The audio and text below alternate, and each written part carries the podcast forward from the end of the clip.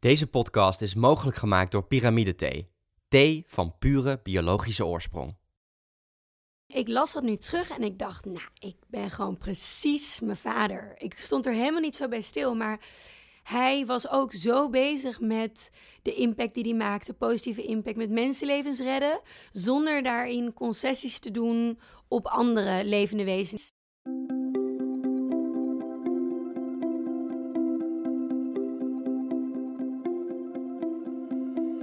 Dit is Het Groene Hart van. De podcast van Happiness en Growthinkers, waarin we op zoek gaan naar het groene hart van onze gasten. Een gesprek tussen Jelle Derks en Nina Pierson, medeoprichter van Saladebar Sla en online magazine Bedrock. Een gesprek over de invloed van haar vader op haar groene hart. Hoe ze duurzaam leven probeert over te brengen op haar dochter en haar nieuwe plannen om zich direct in te zetten voor een betere wereld. Ik zit hier met Nina Pierson op de Happiness redactie. Nina, welkom. Dankjewel. Fijn dat je er bent. Ja, leuk. Leuk om hier te zijn. Het is natuurlijk een onderwerp waar ik niet genoeg over kan praten. Nee, het groene hart. Waar, waar is het bij jou begonnen? Hoe ontstond jouw groene hart? Dat is, ehm, dat is niet iets wat van de een op de andere dag is gebeurd. Nee. Eh, dat is echt een jarenlang proces geweest. Ik zeg ook altijd, duurzaam leven is echt een proces. Je kan niet het is heel moeilijk om van de een op de andere dag te zeggen: Oké, ik ga nu 100% op allerlei verschillende vlakken in mijn leven duurzaam leven. Dus dat kan je natuurlijk doen op het gebied van voeding, dat kan je doen op het gebied van eh, kleding, op het gebied van reizen. Ja. Maar eh, nee, dus het is, maar eigenlijk is het zaadje geplant op hele jonge leeftijd al, want wij wonen in Thailand. En ehm, mijn vader en moeder, ja, ik weet niet eens goed hoe je dat zegt, want het boeddhisme is natuurlijk niet echt een religie. Dus het is niet van ze gelooft in boeddhisme, maar het is een levensfilosofie. En een van de belangrijkste regels in het boeddhisme is dat jouw daden, woorden en acties op geen enkele manier bijdragen aan het lijden van andere levende wezens. Dus ehm, mijn vader leerde me al dat ik, eh, als er een vliegje in het zwembad aan het verdrinken was, dat ik die dan eruit moest redden. En eh, dat wij eigenlijk als, als, als eh, mensen, we staan het hoogste van, de, weet je, van de, alle dieren, Mhm. dat wij niet mogen beslissen over, ook al is het een heel klein muggetje, niet mogen beslissen of die wel of niet dood gaat. Ja. Dus zo is het eigenlijk begonnen, een beetje dat bewustwording. En, en een paar jaar later ehm, is mijn eh, vader ziek geworden. En die moest toen, ehm, ja, de medische wereld kon in principe niks meer voor hem doen. Dus hij is op zoek gegaan naar alternatieve geneeswijzen en mogelijkheden. En toen is hij eigenlijk vrij snel op voeding gekomen. als een heel belangrijk aspect in, in ieder geval zo lang mogelijk uitstellen van de dood. En, eh, en dat was toen ik elf was. En toen begonnen we met plantaardig eten. Ehm, ik had wel, mijn moeder maakte altijd nog wel een stukje vlees of vis of kip voor ons. Maar eh, ik kon het zien aan mijn ouders. Zeg maar. die, die aten plantaardig en ik zag wat het met ze deed. En, het is eigenlijk pas echt jaren later, toen ik ja, in mijn studententijd was, dat ik zelf heel bewust ervan werd. Goeie, goeie metafoor ook, hè, voor als je, ja, als je je afvraagt van, kan ik iets doen hè, voor deze wereld, om de wereld groener te maken, mooier te maken? Ja. Eh, hoeveel impact één mug kan hebben hè, in, in één kamer.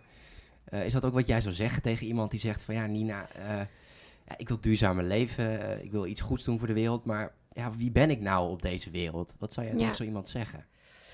Ja, ik vind dat gewoon dat dat nooit een excuus mag zijn. Weet je, als iedereen zo namelijk denkt, dan gebeurt er niks en dan gaan we niet vooruit en dan is er geen verandering. Eh, en ik bedoel, je hebt ook het bekende butterfly effect. Weet je, wij kunnen dus niet helemaal overzien wat onze eh, gedragingen voor een consequenties hebben. En als jij eh, een verandering in je levensstijl toepast door bijvoorbeeld geen vlees meer te eten, dan kan je misschien wel denken van wat heeft dat dan nou weer voor een impact op de wereld? Maar door te doen gaat misschien je oom ook geen vlees meer eten en een collega geen vlees meer eten. En doordat die collega geen vlees meer eet, gaat misschien de familie van die collega geen vlees meer eten. Dus, en dat, heb je, dat weet je ook zelf niet meer. Dus ik denk dat je zeker niet moet onderschatten wat voor een impact je kan maken. En Ja. dat in ieder geval nooit eh, je ervan laten weerhouden om het, eh, om het niet te doen. En anderen ook kunt inspireren. Ja, precies. En vooral anderen inderdaad kan inspireren. Dus misschien dat je daar meer naar moet, over na moet denken. Oké, als je echt gaat berekenen wat is de impact die eh, een verandering in mijn leefstijl heeft op de wereld. Misschien is dat relatief natuurlijk klein. Maar inderdaad, door het inspireren van anderen kan die impact weer veel groter worden. En uiteindelijk gaat het ook nog om zelf een voldaan gevoel hebben en, en het gevoel hebben dat je een goed leven hebt geleid, denk ik, aan het einde van de rit. Uh, en dan moet je eigenlijk niet altijd kijken naar de uitkomsten, maar gewoon naar waarom je iets wil doen. Ja. Einde van de rit, wat is voor jou belangrijk op je sterfbed? Ja, ik denk er soms wel over na en denk, oh, het is zoiets raars eigenlijk. Dat straks Weet je, we maken ons druk om allerlei dingen. En het is allemaal, weet je, elk mens is voor zichzelf uh, de center of van de wereld. Weet je, middelpunt. spullen opruimen en zo. Ja, spullen opruimen, maar ook stress. Weet je, stress om van alles en nog wat en angsten. En ja, straks ben je dood en dan is dat allemaal voorbij. En dan heeft ja, uh, niemand eigenlijk uh, uitgemaakt of hoeveel stress jij hebt gehad. Weet je, dus je kan maar beter proberen om dat niet te veel te hebben. Mm. Maar aan het eind van een rit Kijk, voor mij maakt het niet uit, en dan ben je op een gegeven moment, dan ben je gewoon dood. Maar ik zou wel, ja, ik ben wel op zoek naar een leven van zingeving en een, en een goed leven. En voor mij is een goed leven een leven dat, waar ik zelf um, tevreden ben en, en gelukkig ben. Maar ik weet ook weer dat je niet altijd permanent gelukkig kan zijn. Dus, maar in ieder geval in de long run zoveel mogelijk gelukkig geweest. Mijn familie, goede gezondheid, maar ook ja, toch een positieve bijdrage aan de wereld heb kunnen leveren. Ja. Op wat voor manier dan ook ja, in, in een boek wat ik gelezen heb van uh, De kracht van betekenis, komt geluk eigenlijk voort uit betekenis. Ja. Dat je iets betekent. Nou, je, hebt, uh, je hebt Bedrock Magazine, hè, die, daar ben je mee, of daar, daar ben je onderdeel van. Ja. En uh, Sla, een, een saladebar. Ja. En dus in die zin draag je al wel heel erg bij. Uh, zijn er nog meer, uh, ja, voor jou nog meer plannen in de toekomst waar je van denkt van nou, zo zou ik nog meer slagkracht willen mhm. maken om deze wereld nog mooier en groener te maken. Ja.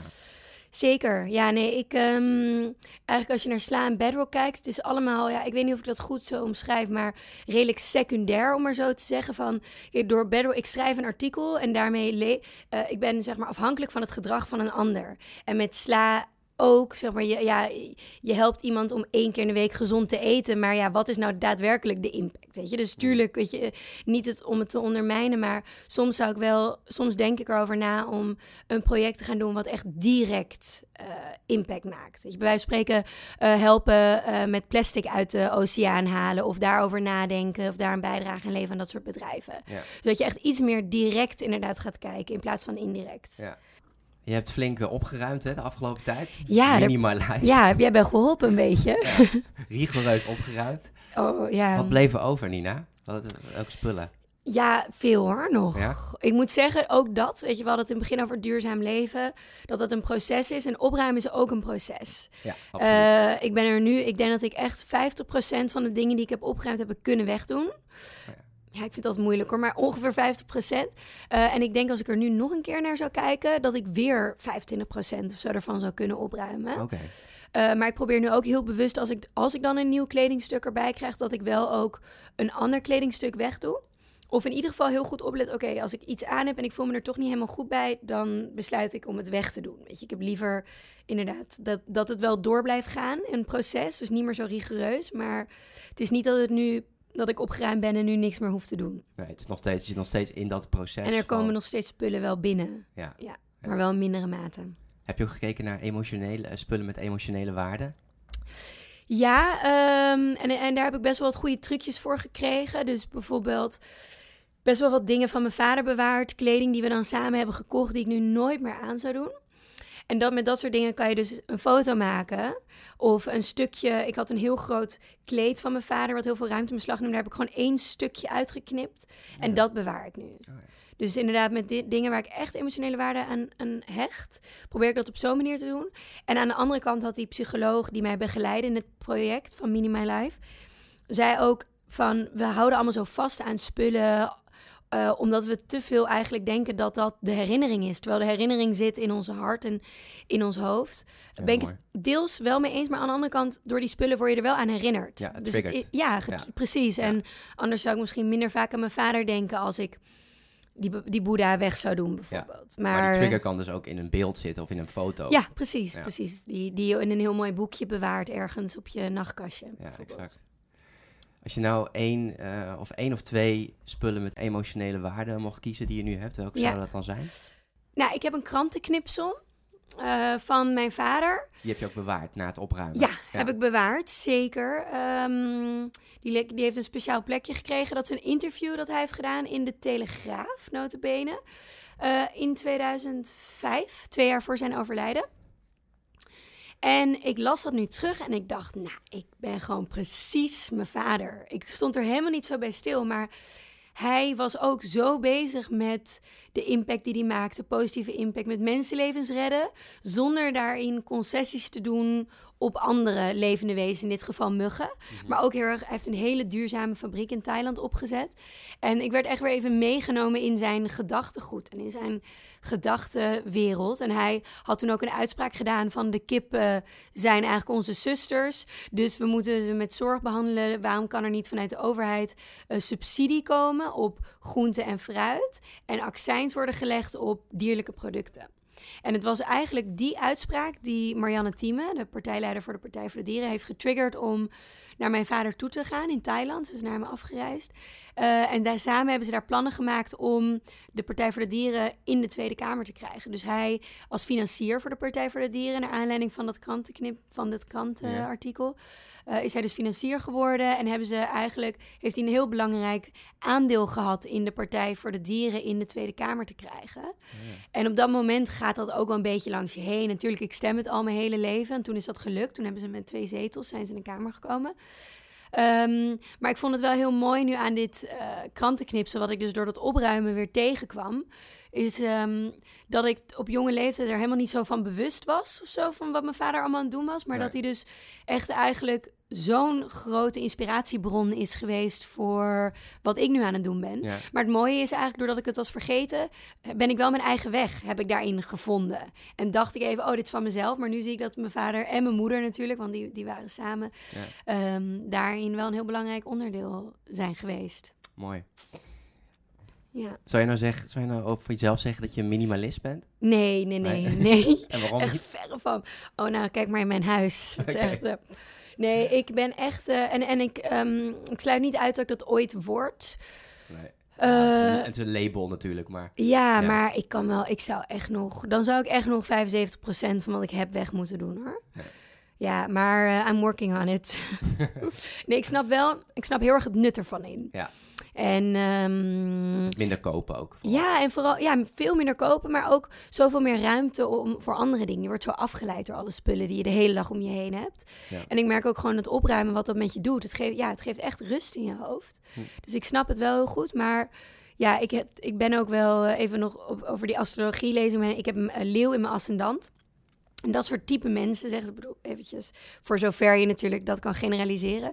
Maar het zijn mensen die wel heel erg houden van mooie dingen en wilderigheid en pronken en trots. En dat, dat is voor mij ook wel een beetje met, met die materialistische kant verbonden. Mm. Dus ergens zit dat wel in me, een ja, beetje ja. zo'n extern. Ja. ja. Je vliegt straks dus, uh, je vliegt naar Azië. Ja. Niet heel duurzaam. Hè? Nee. Op welke vlakken leef je nou wel niet, en niet duurzaam? Ja. Ja, dat, ik denk dat vliegen mijn allergrootste heikelpunt is. Ik probeer wel te compenseren als ik vlieg. Maar ik vind dat nog echt een heel moeilijk aspect. Tot voor kort woonde mijn broertje in Thailand. Mijn beste vriendin woont in New York.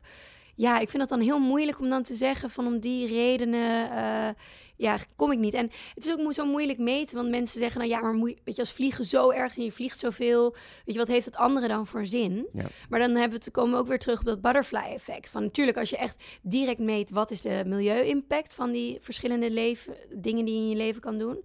Maar dan meet je niet al die mogelijke extra impact die daarna komt, die je niet zo makkelijk kan meten. Die indirecte impact. Door anderen te inspireren, bijvoorbeeld. Ja. Ja, ja.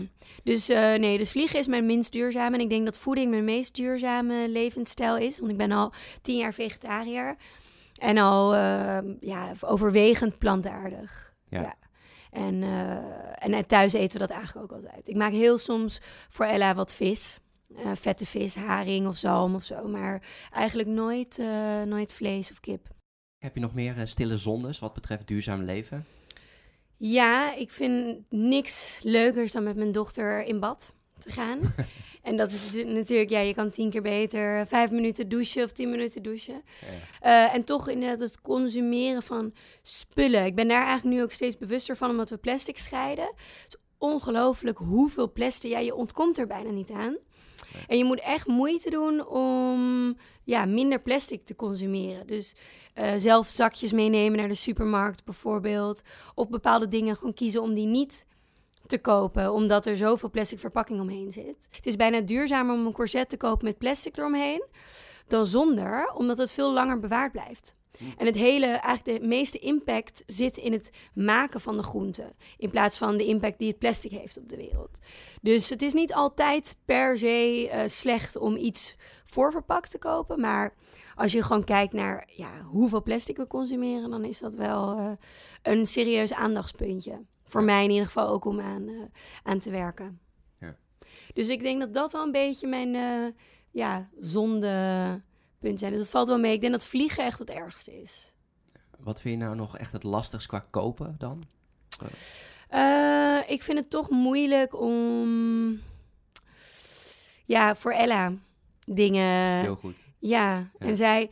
We hebben er heel bewust voor gekozen om haar thuis te houden. Dus zij gaat niet naar de crash. Uh, maar daardoor wil ik wel zo goed mogelijk inspirerende omgeving voor haar creëren. En ik weet dat het aan de andere kant niet altijd met spullen te maken heeft. Maar als je als ja, kindje toch de hele dag uh, ze gaat ook wel op pad en dan komen kindjes spelen. Maar uh, ik denk dat ik daardoor nog iets meer geneigd ben. Misschien gebruik ik het wel als excuus om dingen te kopen. Nee. Maar uh, dus dat, dat vind ik nog wel, dat wil ik wel nog meer loslaten. Maar als we naar Bali gaan, zal ze ook echt een, misschien een klein mini koffertje meenemen met wat speelgoed. Dus daar gaan we het wel even goed testen. Ja. En je wilt haar natuurlijk ook inspireren om duurzaam te leven of groen te leven. Heb je daar al ideeën ja. over hoe je dat gaat doen in je opvoeding? Ja, ik denk echt door gewoon het goede voorbeeld te geven. In plaats van allerlei regels voor haar te hebben. Um, als zij bijvoorbeeld ook ergens wel vlees wil eten, dan is dat helemaal oké. Dan moet ze dat proberen. En ik, eh, tuurlijk zal ik op een toegankelijke manier vertellen waarom ik het niet doe.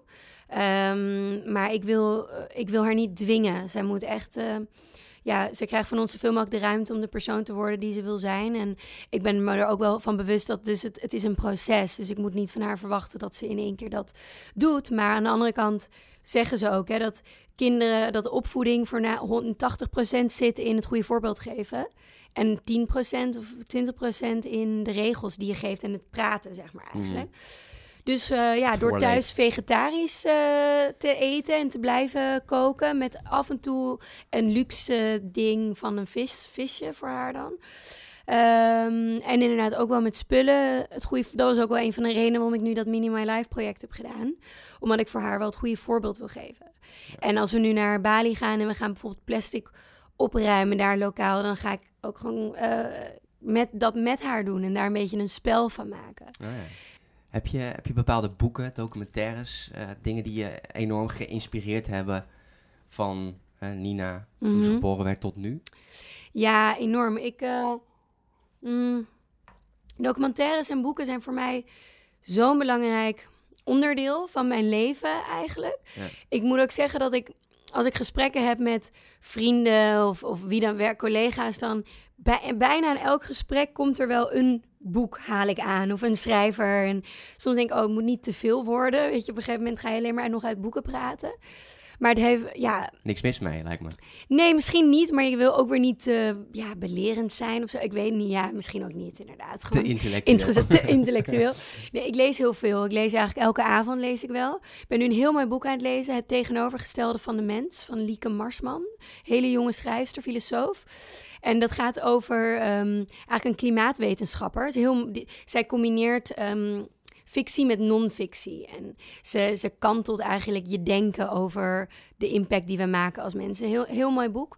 Um, interessant, ja. Ja, ook omdat ze proza, zij is eigenlijk gedichtenschrijver, dichter. Uh, dus een hele mooie pen heeft ze, dus een manier van schrijven. En ik vind dat heel gaaf, dat zeg maar romanschrijvers over onderwerpen schrijven die impact maken. Of een beetje realiteit samenkomt met ja. uh, fictie. En het inspirerende met het uh, Precies, ja. precies. Maar nee, ik heb heel veel documentaires. Chasing Coral, heel indrukwekkend, over um, eigenlijk het, het, het afstervende koraal wereldwijd. Uh, 90% van de Great Barrier Reef is bijvoorbeeld al dood. Het is echt ja. uh, het is zo, zo goed om ja, uh, door middel van documentaires en boeken je bewustwording te vergroten. Want dat is eigenlijk de trigger voor verandering. Ja. Maar je hebt ook een Plastic Ocean. Nou, de, de, naam zegt het al, gaat over plastic in de zee, vooral microplastic. En dat 90% van de zeevogels heeft um, in verhouding, zeg maar, als wij een broodtrommeltje in onze buik zouden hebben, zoveel hebben zij aan plastic al in hun buik. Um, Racing Extinction. Um, er zijn zoveel. Ja, Meet the Truth van de Partij voor de Dieren. Normal is Over van een Nederlandse uh, documentaire maakster, René Scheltema. Uh, gaat eigenlijk ook over normal is over. Weet je, we moeten veranderen uh, nu. Ja. Um, en even kijken qua boeken. Uh, no Time van Naomi Klein is heel indrukwekkend. er zijn, ja, de voedselzandloper. Ooit is dat eigenlijk onze trigger geweest om sla te beginnen. Ja, Chris Verburg. van Chris Verburg. En ik, ik, weet niet of ik nu nog steeds alles aanhoud. Toen, toen was het echt best wel toen hebben we dat 100% doorgevoerd, maar dat is ook bijna geen koolhydraten eten. En daar, daar ben ik nu zeker geen voorstander van. Het moet gewoon echt eten zijn en puur eten en plantaardig voornamelijk. Maar op zich had hij dat ook. Ja. Nee, dus ik, ja, er zijn um, ontzettend veel boeken en documentaires die mij hebben geïnspireerd. En ook vooral aangewakkerd om uh, door te gaan met wat ik doe.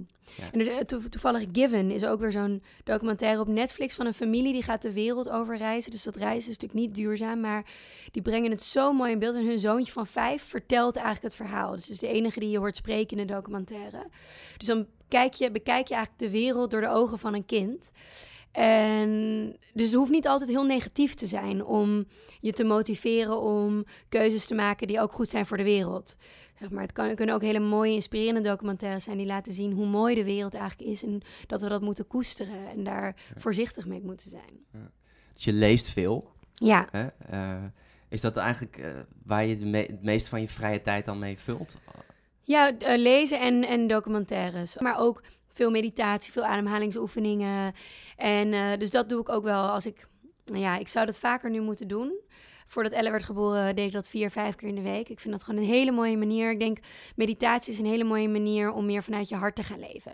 En als je vanuit je hart leeft, dan uh, is het ook makkelijker om keuzes te maken die anderen geen schade aanrichten. Ja. Maar ik denk dat echt het belangrijkste in duurzaam leven begint met bewustwording. Uh, er is een hele mooie uitspraak in het Engels en dat is: From knowing comes caring, and from caring comes change. Dus doordat we weten, gaan we kunnen we wel of niet geven om iets. En als we om iets geven, dan willen we ook veranderen.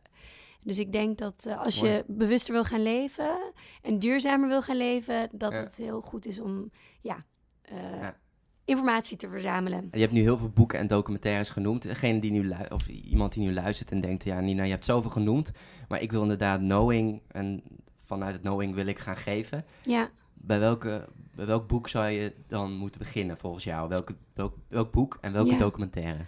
Oeh, dat vind ik moeilijk. Vind ik moeilijk. Um, nou, ik dan dan die, je wil dus eigenlijk even getriggerd worden van jeetje, dit is, de, dit is de status van de wereld. Ik wil nu iets gaan doen, toch? Ja, dat? Welk, welke ja. documentaire, welk boek zou jij doorgeven aan iedereen op dit moment? Want ja, ik zou ik... dan toch, wat voor mij gewoon heel veel impact heeft gemaakt, is Racing Extinction. Um, dus dat, dat zou ik dan als documentaire pakken.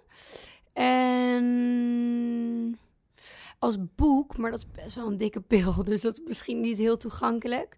Maar dat, gaat wel, dat geeft wel heel veel wetenschappelijke inzichten over waarom je plantaardig uh, moet eten, omdat het helemaal niet uh, zorgt voor een proteïnetekort en hoe je dat dan ook wel weer voor kan zorgen. En dat is How Not to Die. Ja. Maar dat is wel. Ja. Ook nu in het Nederlands vertaald. Hè? Oh ja, oh, overleef je? Ja. Oké. Okay. Ik heb hem thuis. Uh, oh, nou dat, dan maakt het al wel een stukje toegankelijker. Ja, ja. Uh, maar dat is, wel, dat is wel pittig. Dus ik zou. Ja, wat, wat mooi is om mee te beginnen, is dat boekje Het tegenovergestelde van de mens van Lieke Marsman. Okay. Dat dat gewoon net eventjes ja, je denkbeelden kan veranderen. Ja. Lieke Marsman, mooi. Als, jij, uh, als ik zeg succesvol en duurzaam, aan wie denk jij dan meteen? Uh, gelukkig en steeds meer mensen. Wacht even, succesvol en duurzaam. Uh, nou, bijvoorbeeld even in de uh, Stella McCartney, even in de modewereld, Philippa K, mm.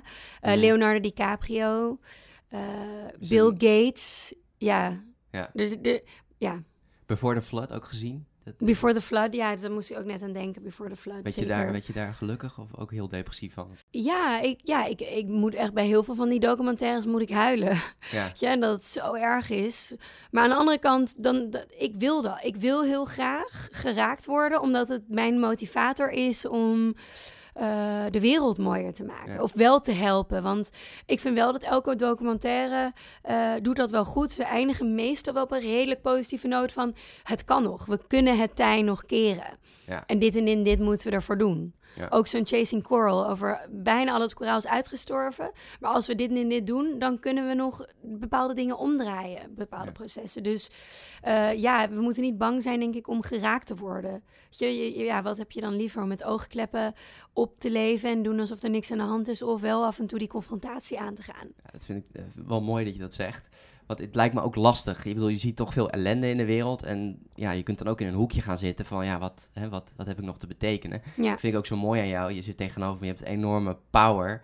ja. En eh, nou, ja, dat is gewoon fantastisch. Maar waar haalt Nina die kracht vandaan nadat ze zo'n documentaire heeft gezien? Van hoe slecht het eigenlijk gaat. Ja.